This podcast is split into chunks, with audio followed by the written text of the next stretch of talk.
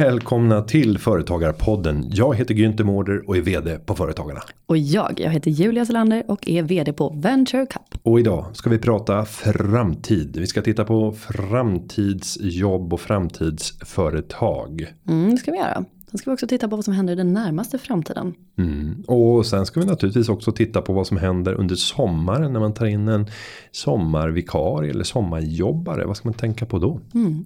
Välkomna till Företagarpodden. Podden som ska hjälpa dig att bli en mer framgångsrik företagare. Och då tycker jag att vi börjar någonstans i framtiden för dig.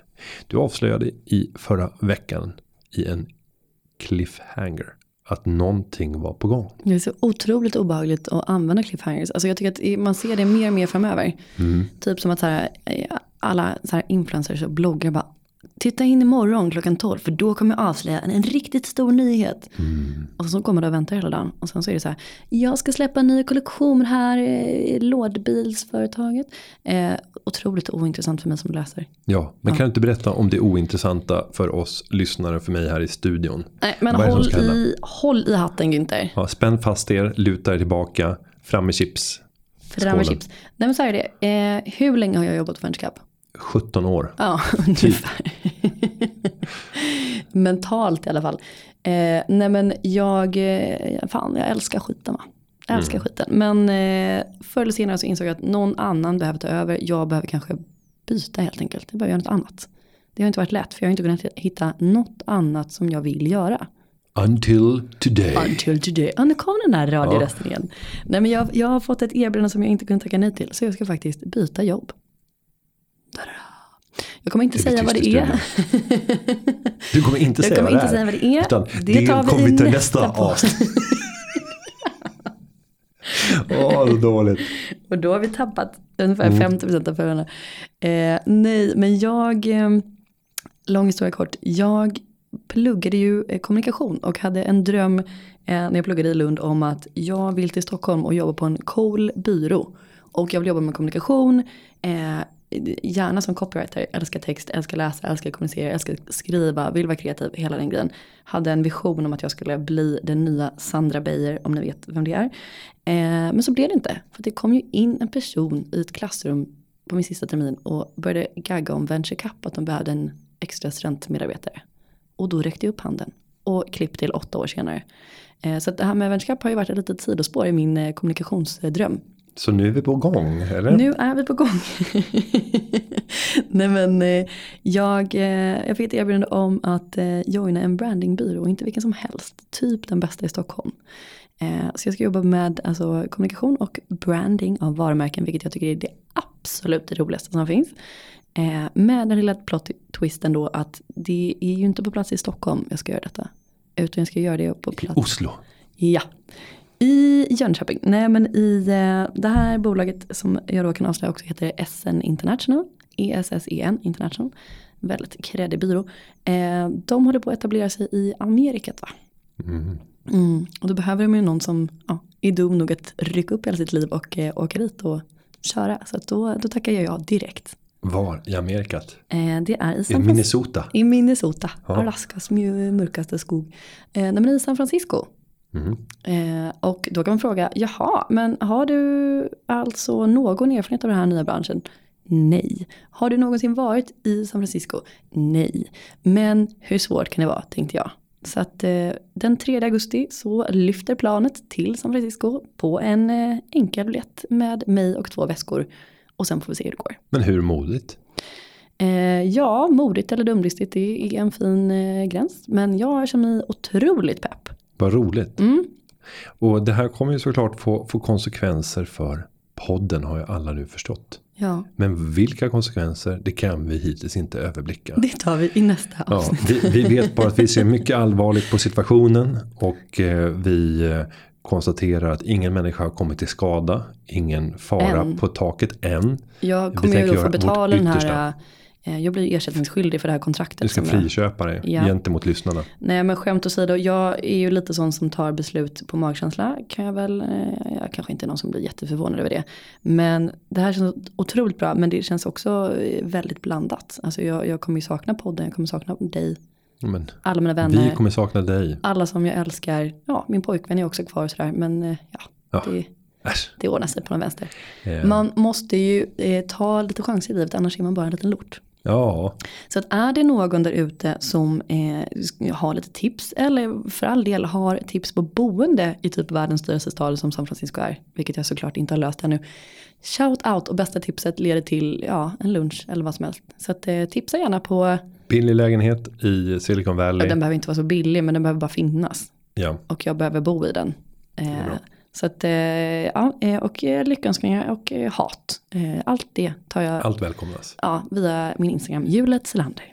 Och än är det inte slut utan vi kommer göra ett antal avsnitt tillsammans. Det kommer Så vi. fortsätt att skicka in frågor, hyllningar, gratulationer, sorgebrev. Eller bara att ingen bryr sig alls. Men podden, den kommer säkert att överleva. Även detta. Mm. Mm, det, Det- får vi se. ja, det kommer det bli en mjuk övergång och jag ska ge mitt allt de sista avsnitten. Ja, bra. Ja, bra. Är du lite lättare ändå? Det blir skönt att bli av med mig. Nej, det är alltid jobbigt med förändringar. Jag är precis som alla andra människor. Man är en vanemänniska. Vi har vant oss vid varandra. Det har blivit en del i den veckovisa liturgin. Och en vecka blir inte hel. Det har man märkt nu senaste månaderna där du har haft en hög frånvarofaktor. Ja. Eh, när du har hållit på och eh, ordnat med de nya jobben och massa andra grejer. Så att eh, det, jag har redan fått smaka på höstens löv som faller. ja. Men vet du, det finns internet även i San Francisco. Internet finns. Vi kommer att höras, jag lovar. Ja, det bra. kan också bli så att jag åker dit och sen så levererar jag inte eller så trivs jag inte där och kommer tillbaka. Då kommer jag sitta här igen i hösten då, det är ingen som märker något. Nej. Vi får se, men eh, på tal om framtid då så kändes det kul att avslöja detta. Mm. Mm. Och vi ska fortsätta prata framtid. Kopplat till företagen med. Mm. Vad kommer egentligen att ske? Och det, där, det här blir ju otroligt pinsamt. Det är så här ris risken att eh, när man ska prata framtid att det är så här avsnitt som man tar fram tio år senare när personen befinner sig i en helt annan situation Ja. och så spelar upp framtidsspaningar. Om tio år när Günther är eh, statsminister så kommer vi Så här ha... trodde han. Ja. Är det verkligen rimligt att Sveriges statsminister satt och hade den här framtidsspaningen? Mm. Det tycker jag inte. Nej, men i, I grund och botten om vi pratar framtiden så ser vi ju att det mesta brukar vara sig likt. Sen så finns det ett antal trender som gör att saker förändras i en eh, viss hastighet. Vi har en tendens att överskatta hastigheten i förändringen på kort sikt. Men vi underskattar den ofta på lång sikt. Det är så här typiskt mänskligt drag. Om du tar, gå tillbaka till IT-yran. I slutet av 90-talet så fanns ju alla de här IT-profetiorna. Eh, där vi hade eh, mes, mes, mes, messiasfigurer i frontlinjen som berättade om hur våra liv skulle helt förändras. Och bolagen värderas till mångmiljardbelopp fast det bara var en powerpoint-presentation om vad man skulle kunna använda the internet till.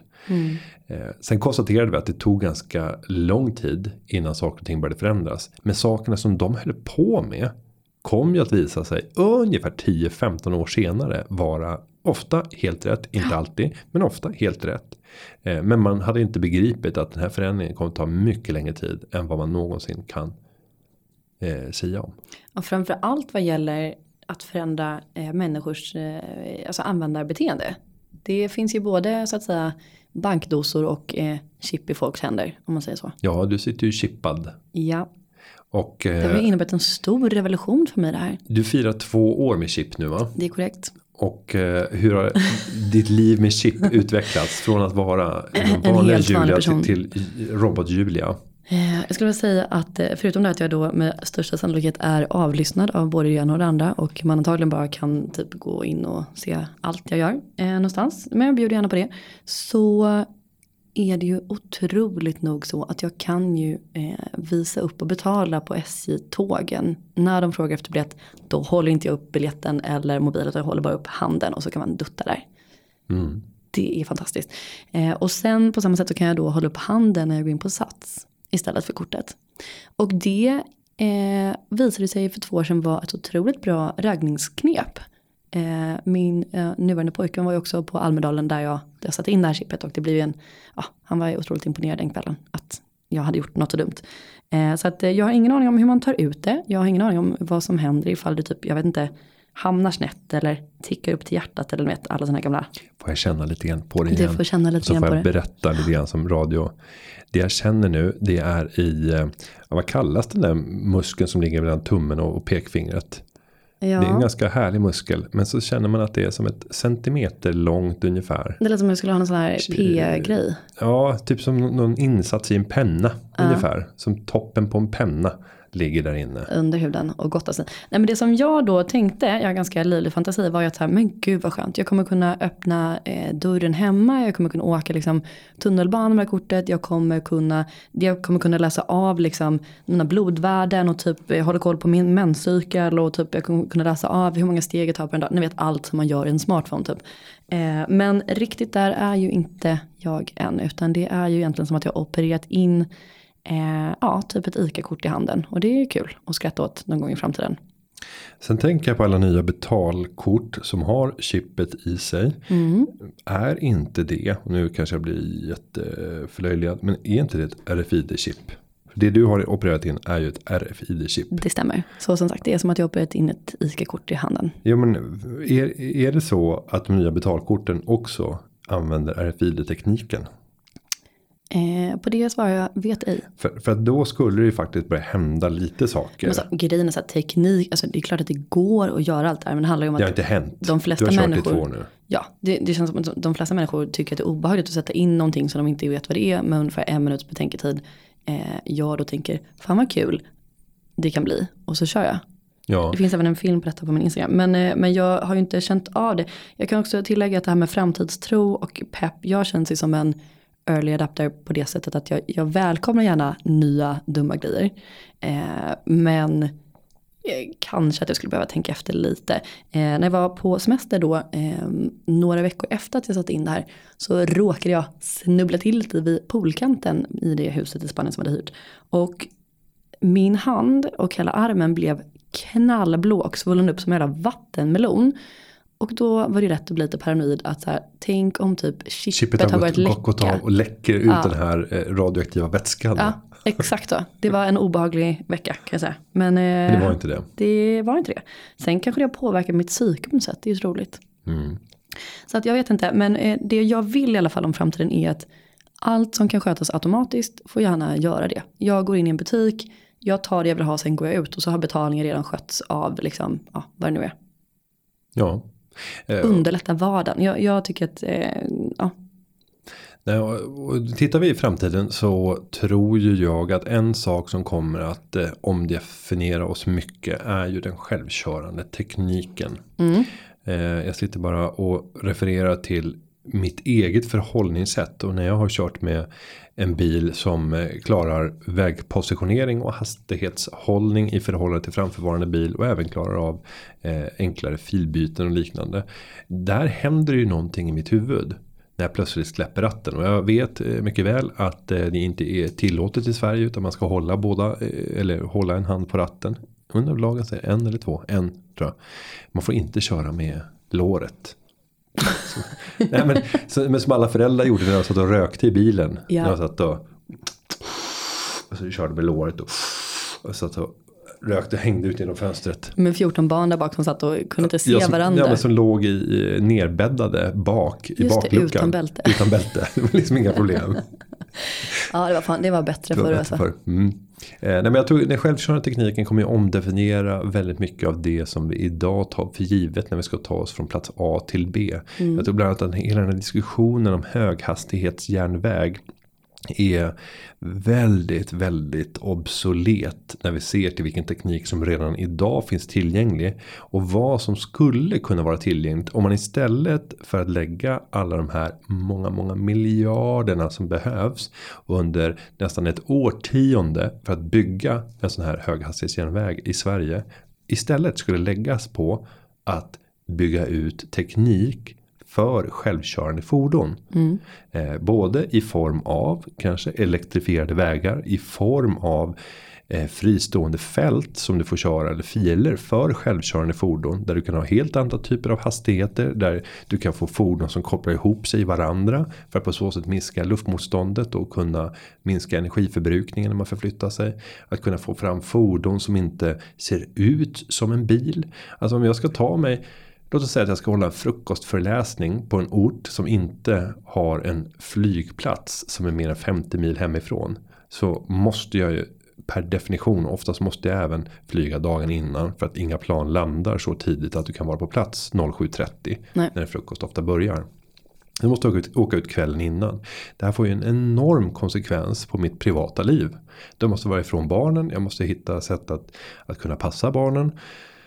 Eh, och jag skulle ju gärna hitta ett, ett sätt där man kan få loss mer tid tillsammans med familjen. Eh, för att undvika onödiga transporter. En sån sak skulle kunna vara att eh, kunna vara delaktig med sina barn till och med till läggning. Och sen så går man, när man själv och lägger sig i en eh, bil.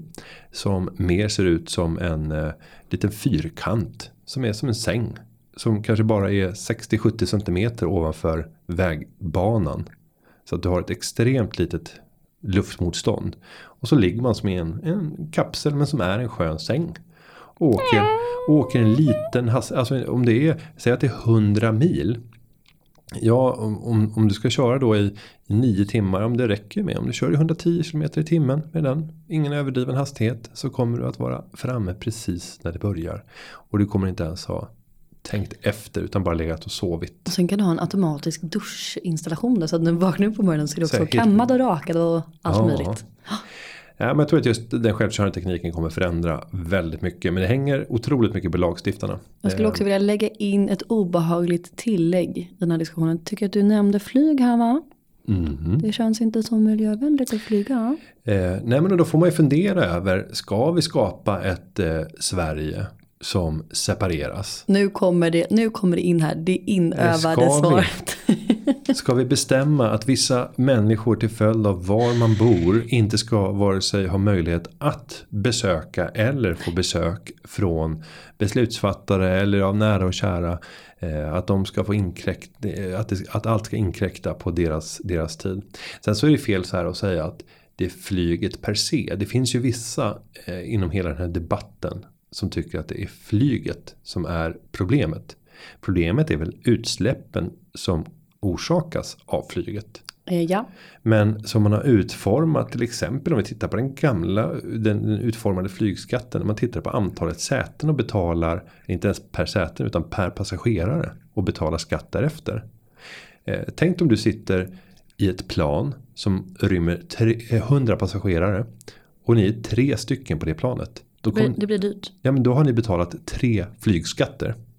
Sen så kommer samma plan och flyger tillbaka eh, från den destinationen och då är det fullsatt. Då är det hundra stycken på det planet. Då får man betala hundra flygskatter. Och då är frågan, vad var mest miljövänligt? Det planet som flög upp med tre personer eller det som flög med hundra passagerare? Mm. Om vi skulle räkna med utsläppet per person så skulle det naturligtvis bli en väldigt stor skillnad i, i pris. Ja. Så att Eh, och hade man istället styrt det där utifrån flygets utsläpp. Att du hade en flygskatt som baserades på hur mycket släpper det här planet ut.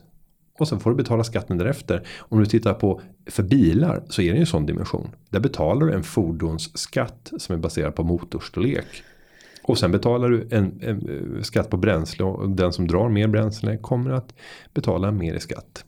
Men jag tycker, alltså gud, jag vill bara lägga in att eh, man kan ju hoppas och längta efter de miljövänligare alternativen. När man ändå pratar framtid och man får drömma om små lådor som ska skicka iväg en på natten med installerad dusch. Då kan man ändå klappa in att det vore ju nice om det inte påverkar miljön speciellt så mycket. Nej men då räcker ju med självkörande tekniken. Mm. När jag själv har testat och själv kört med självkörande teknik. Eh, någonting hände ju i hela mitt mindset. Och jag tycker att alla beslutsfattare som idag sitter och fattar beslut om framtidens kommunikationer och infrastruktur måste ha den egna erfarenheten där man några månader har brukat en bil med självkörande teknik. Det borde vara förbjudet att få fatta beslut om framtidens kommunikationer om du inte har den erfarenheten. Det håller jag med om. Ja. Andra saker, automatisering, digitalisering. Mm. Det som finns på allas våra läppar. Ja men nästan så mycket att det har blivit lite skällsord eller lite så här utnött. Men jag tänker som företagare så är det också, eller som människa i allmänhet, men det är lätt att tänka att okej, okay, men vad händer med jobben? Vad händer med mitt jobb? Vad händer med mitt bolag? Kommer tekniken ta över alla jobb? Vad tror du? Mm, nej, nej, den tekniken som, som kommer att utvecklas kommer att utveckla jobb. Och det räcker med att bara titta på, ta ett befintligt jobb. Ta vd för Venture Cup eller vd för Företagarna. Mm. Om vi skulle titta tillbaka eh, i Företagarna så finns det en historik tillbaka till 1753. Och jag är säker på att verksamhetsledaren i, i ja, då var det lokalförening i Hudiksvall. Eh, den personens uppdrag skiljer sig rätt väsentligt åt från mitt. Men om vi tar den första vdn på riktigt från tidigt 1900-tal. Så vi har samma jobb. Vi ska ha samma titel. Ja. Men det är helt olika jobb. Eh, titta bara tillbaka tre vdar och vi befinner oss i början av 2000-talet. Alltså det jobbet skiljer sig helt från det jobbet jag har idag. Såklart. Bara till följd av den tekniska evolutionen. Mm. Så det, det kommer vara de små stegens förändringar där vi som företagare, företagsledare och anställda kommer att tvingas anpassa oss inför den nya tekniken och eh, vad den bär med sig. Ja men också dra nytta av de fördelarna. Men verkligen, alltså förändring är allt och allting förändras. Du måste bara anpassa dig och embracea det.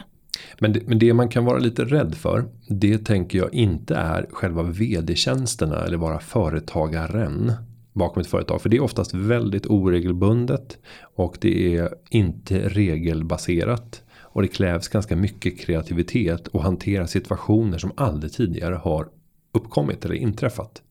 Eh, och då har vi tickat av alla de där boxarna som är på fel sida om kommer det här automatiseras eller digitaliseras eller robotiseras.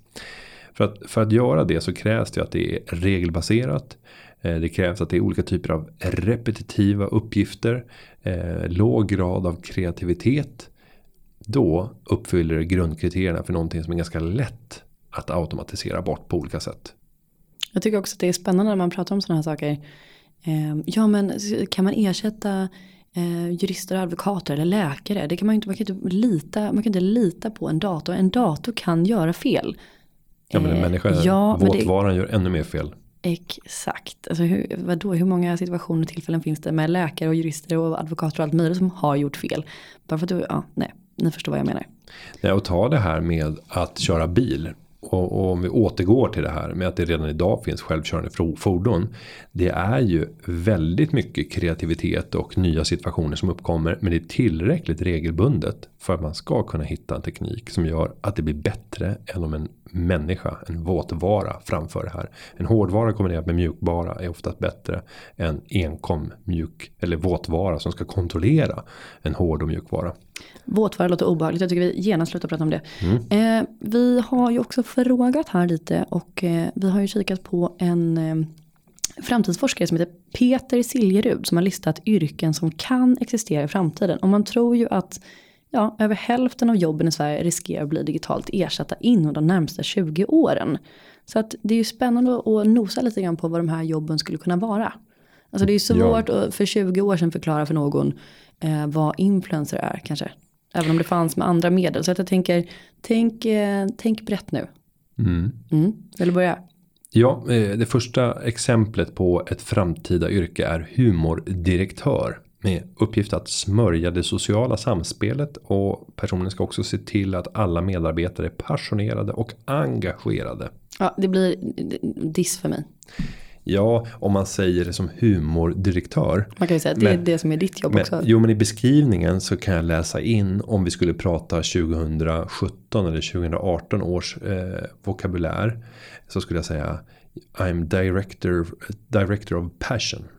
Mm. Och då plötsligt säger det så här, ah, passionsdirektör. Så jävla lökig titel. Jo, men någonstans handlar det om att alltså det kan ju vara en, en delfunktion i HR-rollen. Att mm. kunna få alla att nå sin fulla potential på arbetsplatsen. Sen om det är med ordet humor och humordirektör.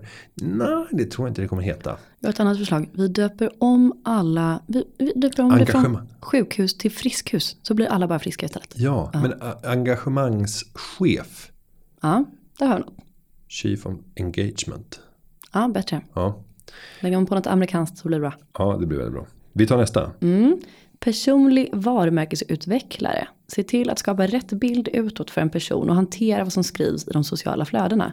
Absolut, Ja. men det här existerar ju redan idag om vi tittar på vad din eh, kommande bransch eh, håller på med. Exakt. Eh, Hela, om vi tittar på PR-branschen och PA-branschen så baseras ju den på att vi ska påverka, vi ska bygga varumärke, bygga förtroende, kunna få människor att tänka i en viss riktning. Nej, men det finns ju absolut. Så det, det säger vi hiss till. Sen har vi robotfamiljeterapeut. Reder ut kraschade människor, r- människa-robotförhållanden. När det har gått i clinch. Så en terapeut som kan gå in och medla i sådana situationer. Mm, jag förstår inte riktigt. Är det att, liksom att terapeuten är en robot eller är det att jag har ett dåligt förhållande med min robot? Ja, det kan ju vara människa tror jag. Det här är nog menat att det är människor som har jobb som robotfamiljeterapeut. Alltså robotar i hemmiljön. Alltså en robot är ju även din smarta högtalare är ju i Absolut. någon mening en robot. När det börjat, ja det där hade jag en sjuk upplevelse. Eh, det var igår när jag satt och tittade på Game of Thrones. Eh, så, och du vet när man ligger i sängen och har paddan och sen så plötsligt så håller man på att somna. Och sen så vaknade Siri till liv i paddan. Och vad är det hon säger då? Jag hör, eh, jag lyssnar. Något sånt där. Jag är här. Nå, något sånt eh, utfall kom. Jag lyssnar. Och, och det blev en ganska stark stämma. Jag bara höll på att flyga upp ur sängen. Så bara, vad var det som hände där? Jag ligger och, och liksom halvsover. Och tittar på det här. Så det måste varit någonting som sades. I Game of Thrones som gick ut och med medhörningen. Nej, jag vet inte vad det var. Are you serious? Kanske de sa. Are you serious? Jag aldrig lyssnar. Ja, nej men det är Winter läskigt. is coming. Kul att diskutera Game of Thrones med dig sen. Känns Mm. som att du är en person som verkligen gillar sista säsongen. Ja, fast jag började ju på första säsongen för en månad sedan. Ja, Så att jag har det missat- är såklart att du gjorde det. Jag är på gång, jag är på gång. Nej, men okej, det här är så roligt för det här beskriver verkligen dig och mig. Eller Mm. vi vet inte om lyssnarna håller med. Men du har alltså då precis börjat titta på första säsongen. Nej, jag ligger nu på säsong sju, tror jag. Ja, fort har det gått. Ja, det har gått fort. okej, ja. ja. det går undan då när, det- när det Eh. väl händer. Så det, det gör du. Eh, Du tar din tid, men det är ordentligt. Och vad gör jag då? Jag skrattar åt dig, men samtidigt kan jag också avslöja att jag har ju sett kanske Du har, tre du har sett om de här. avsnitt på de första säsongerna innan och tyckte att så här, men, ja okej, det, ja, om jag skulle hänge mig så skulle jag kanske tycka det var kul. Men jag har inte tid. Så nu när det blir sån jäkla hype för sista säsongen, då dök jag rakt in. Och så nu har jag ju sett alla, alla avsnitt på sista säsongen och då, jag behöver ju inget mer. Jag fattar ju allt som har hänt. Ja, men gör du det för att du har någon vid din sida som förklarar vad som har hänt? För det blir ju ganska mycket att hålla reda Det på. gäller att ha en otroligt stor hjärna. Men det har jag. jättestor hjärna. Ja. Nej, men jag har säkert missat massor med saker och jag vet att Mm. det här svider kanske i ögonen vissa lyssnare. Men eh, jag tyckte det var bra. Jag tyckte, nej, nej, det var faktiskt inte så bra. Eh, fake it till you Mm. Säg make ingenting, it. säg ingenting. Jag har inte kommit till sista säsongen. Mm. Okej, nu svävar vi ut här. Vad har vi mer då? Robotfamiljeterapeut och så hade vi då privat assistent, alltså Mm. en digital sådan. Hanterar vardagsadministration åt privatpersoner för att frigöra tid och minimera alla val. Ja, säger jag. Ja, och jag tänker återigen inte att det här är någonting digitalt. Utan jag tänker att det är eh, exempel på framtida yrken. Och det som är just privat assistent handlar ju snarare om att hjälpa en människa att använda de tekniska verktyg som existerar. Och coacha kring, okej, hur kan jag frigöra en och en halv timme av din tid per dag? Ja men exakt och typ så här och hålla koll på alla system som man ska signa upp personen på och så vidare. Hur man kan, Ja, och hur du maximerar dem. För det är ofta man får lära sig funktionalitet i program eller i appar. Så bara, aha, ah, men gud vad fiffigt. låter man så? Igen? Ah, vad fiffigt. det där skulle man kunna ha som en sån här knapp i Ja. studion. Så när vi har gäster. Som, som ska förklara någonting så kan man trycka på Ah, vad fiffigt! Så jävla förnedrande. När de beskriver sin affärsidé. Det Så kan vi ha vad för- vi gör är att vi löser problemet med Ah, vad fiffigt! Då kan man säga då har vi optimerat vår tid också. Vi slipper prata, vi har bara olika knappar för saker. Mm. Så vi har liksom effektiviserat bort oss själva. Nej men jag tror stenhårt på det här och eh, jag längtar till det. Och eh, jag tycker dock att det borde heta någonting coolare. Istället för privat assistent så borde det heta typ life hacker kanske. Mm. Den Ja, får ni. kanske. Ta tag i den. Sen har vi livsförläng, livsförlängarcoach. Oj, En person som ombesörjer träning, kost och medicinering för att maximera livslängden. Och då vill jag komma tillbaka till ditt chip. Ja, För att jag tror ju att om du skulle ha, och det pratade vi om i avsnittet där vi hade natural circle natural cycles. cycles. Ja. När vi hade dem här så eh, pratade vi om att ha ett chip som även är aktivt. Ditt chip är ju passivt. Men att få en, en, den energi som alstras av kroppen att kunna driva någonting som kan sända ut och ta emot data. För att på så sätt också kunna plocka upp värden som kan återfinnas i din kropp genom att titta på blodet och på temperatur och på mängder av andra faktorer, puls och där har vi någonting. där Och har om vi någonting. alla dessutom, om man tänker att liksom det här blir som en liten, liten, liten generator. Så kanske vi inte behöver vindkraft. Då kanske det räcker att blodet pumpar runt i alla miljarder människor på jorden så får vi el va? Ja, och då räcker det med att vi äter eh, saftiga hamburgare så att vi får jättemycket energi och blir varma och goda. Ja, det är otroligt bra. Nej men eh, att, Men livsförlängningscoach alltså, absolut. ja gud ja. ja. Så man får hjälp med tvekan. tekniska applikationer. Nej men helt sjukt vad lite folk vet. Inklusive jag själv till typ hur, alltså det är först nu vid 31 års ålder jag börjar bry mig om så här. Okej, det du äter påverkar hur du kan prestera. Ja, Oh, fan. då kanske det borde, alltså jag har ju fattat det så länge, men vad det är som ska optimera just mitt psyke och min, eh, så här, det blir man inte så mycket om. Man kör ju, man För, för mig är det knäckebröd. Eh, och eh, lakritssnus, egentillverkat. Eh, det enda, den enda bieffekten det är ju den här tredje personen som ibland är i studion. Som Mm. även har, har varit inne och vänt här under den här inspelningen. Eh, och, som- och, och jag säger han, för han låter som en han. Han låter ungefär så här.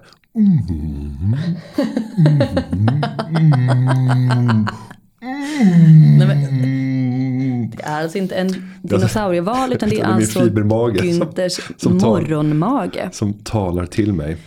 Då fick ni veta det. Det är inte så lätt att vara Günthers poddpartner. Det, det har det är inte så lätt att länge. vara min mage heller. även om, om, personen i fråga är stor. Du Så är det ingen lätt den. uppgift. Okej, mer då? Reservdelstillverkare skapar en uppsättning mänskliga reservdelar och ansvar också för neurokognitiv uppdatering.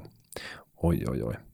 Ja, att kunna uppdatera sin våtvara, sin kropp med nya typer av funktionalitet. Och det där vore ju häftigt. Tänk att kunna köpa lite utökat minne. Och, Jag tänker macchiarini. ja, En ny liten strupe kanske?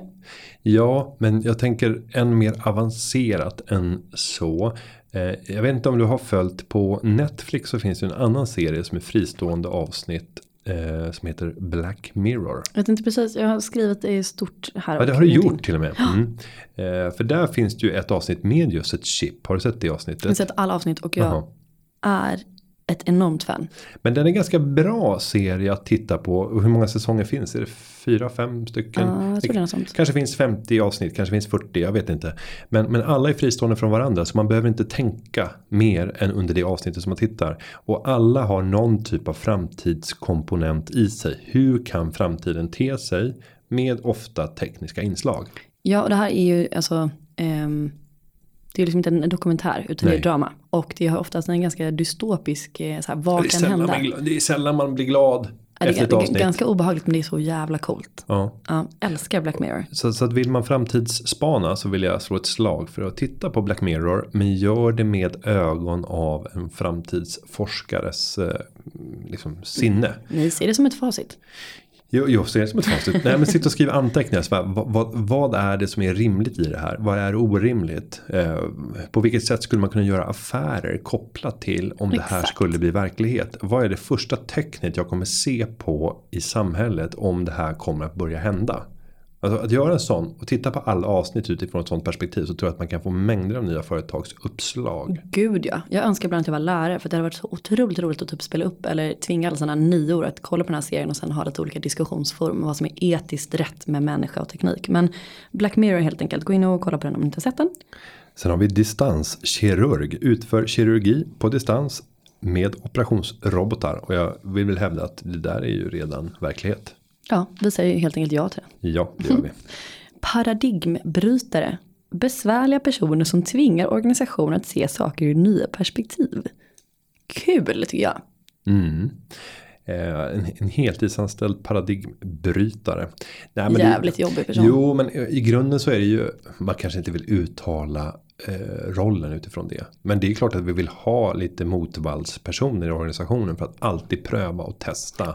Är det vi gör rätt? Ja, och jag tycker snarare att det är väl upp till dig som rekryterar att också inte bara anställa personer som är som du själv utan att anställa folk som tänker lite nytt så att det här sköts av sig självt. Eh, men spännande. Ja, och sen har vi virtuell föredragshållare. Ständigt programmerad med nya trender, insikter och inspirerade one-liners. Ja, men det här. Eh, jo, men på ett sätt så tror jag eh, på det. Men, men jag tror snarare att det kommer vara motorer som skapar content till olika kanaler. Som i grunden bara baseras på de så här, starkaste sakerna som människor vill ta del av. Där du kombinerar ihop så här, något citat som slår med en känslomässig musik som slår an någonting inom dig och med en bildsättning som berör och sen kommer inlägg automatiskt. Alltså du kan jobba fram inlägg automatiserat utifrån använd, eh, algoritmer som, som samlar in info och data om användare för att skapa optimala inlägg. Ja, men det känns väl som att det också lite redan är på gång. Mm. Ja, spännande. Ja, för- Vilken av alla de här alternativen skulle du helst vilja jobba med om du är tvungen att bryta?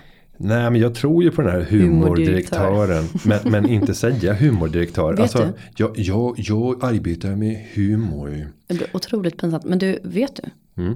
Det är faktiskt väldigt spännande. Det är det som alla här på företagen brukar kalla dig som nickname när du inte är här. Nu kommer humordirektören Ja. säger de. Och så kommer Nej, nej, de brukar kalla dig för skojaren. Nu kommer skojaren. Så jag tror att de menar humordirektören. Jävla Ja. Så brukar de lägga till jävla innan. Jävla skojaren. Nu kommer den där jävla skojaren igen. det, allting handlar om inställning helt enkelt. Vi har fått en lyssnarfråga. Det har vi fått. Och den frågan kommer från Erik i Visby. Han skriver så här. Hej, jag ska för första gången ta in en sommarjobbare till mitt företag. Det skulle vara intressant att veta av er vad som är viktigt och bra att tänka på i samband med det. Vad skiljer sig från att ta in en heltidsanställd? Spännande Erik. Mm. Eh, och, det första eh, som man kan fundera över det är ju hur ska den här rollen utformas? Hur lång tid rör det här sig om? Eh, vilka arbetsuppgifter ska den här personen utföra? Försök teckna ner det. Vilka krav finns på den här personen? Måste de ha ett körkort? Måste de ha någon erfarenhet? Måste de ha några dokumenterade färdigheter? Ehm, och sen så är det ju viktigt att du som arbetsgivare som företagare ska ju också ge skriftligt besked om anställningens grundläggande villkor. Eh, när man har en anställning som löper längre än tre veckor. Så det är du enligt lag skyldig att göra. Och där ska du ju avtala om det gäller ett sommarjobb om exakt vilken period det handlar om.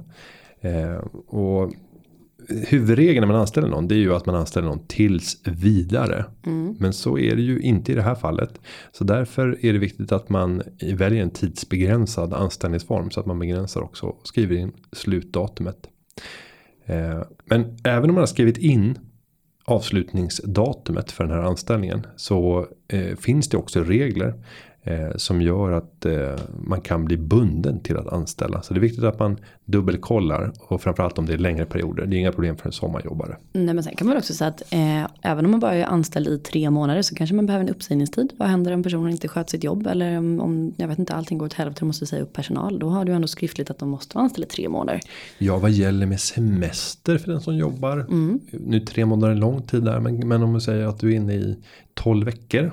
Kan man eh, ta ut semester under den tiden? Eller om du är nere på eh, två månader, kanske då åtta veckor. Kanske ingår semesterersättning i den lönen som du får men då ska det gärna regleras i avtalet. Och sen tänker jag också eh, lite sånt där om det är ett eh, lite mindre bolag så kanske den här personen är tämligen eh, inte ensam på bolaget när alla andra är på semester men ändå att det är en något begränsad personalstyrka. Så då är det så här alltifrån vem ska personen ha kontakt med när och om någonting händer. Kanske inte behöver stå i avtalet men det är ju bra om man gör upp sånt. För att inte bli besviken. Och ett avslutande tips är att eh, också förbereda eh, anställningsdokument och, och liknande innan man eh, ingår avtalet och då kan man höra av sig till företagarna. Så då kan man av juristerna få hjälp med avtalsmallar och de kan även dubbelkolla om du har skrivit ett avtal. Märker det här rimligt? Finns det några fallgropar eller liknande? Så ring till företagarnas juridiska rådgivning om du har några problem. Med det så ska jag säga att det här avsnittet tror jag även, nu står inte det i min dokumentation, men jag tror att det är förberett av vår eminente Jessica som eh, har varit inne. Jessica Ögren har varit praktikant i, hos Företagarna under tio veckors tid och bland annat jobbat med podden. Det kan också vara David Hagen som ligger bakom underlaget men sannolikt en kombination av de båda. Exemplariska människor. Ja. ja. Med det ska jag säga att podden den har också klippts av Gustav Dalesjö. Och vi, vi syns igen nästa vecka. Det gör vi. Nu säger jag hejdå på amerikanska. Goodbye everyone. Bye. Goodbye. See you next week. Företagarna, ja, ja, ja, ja, ja, ja.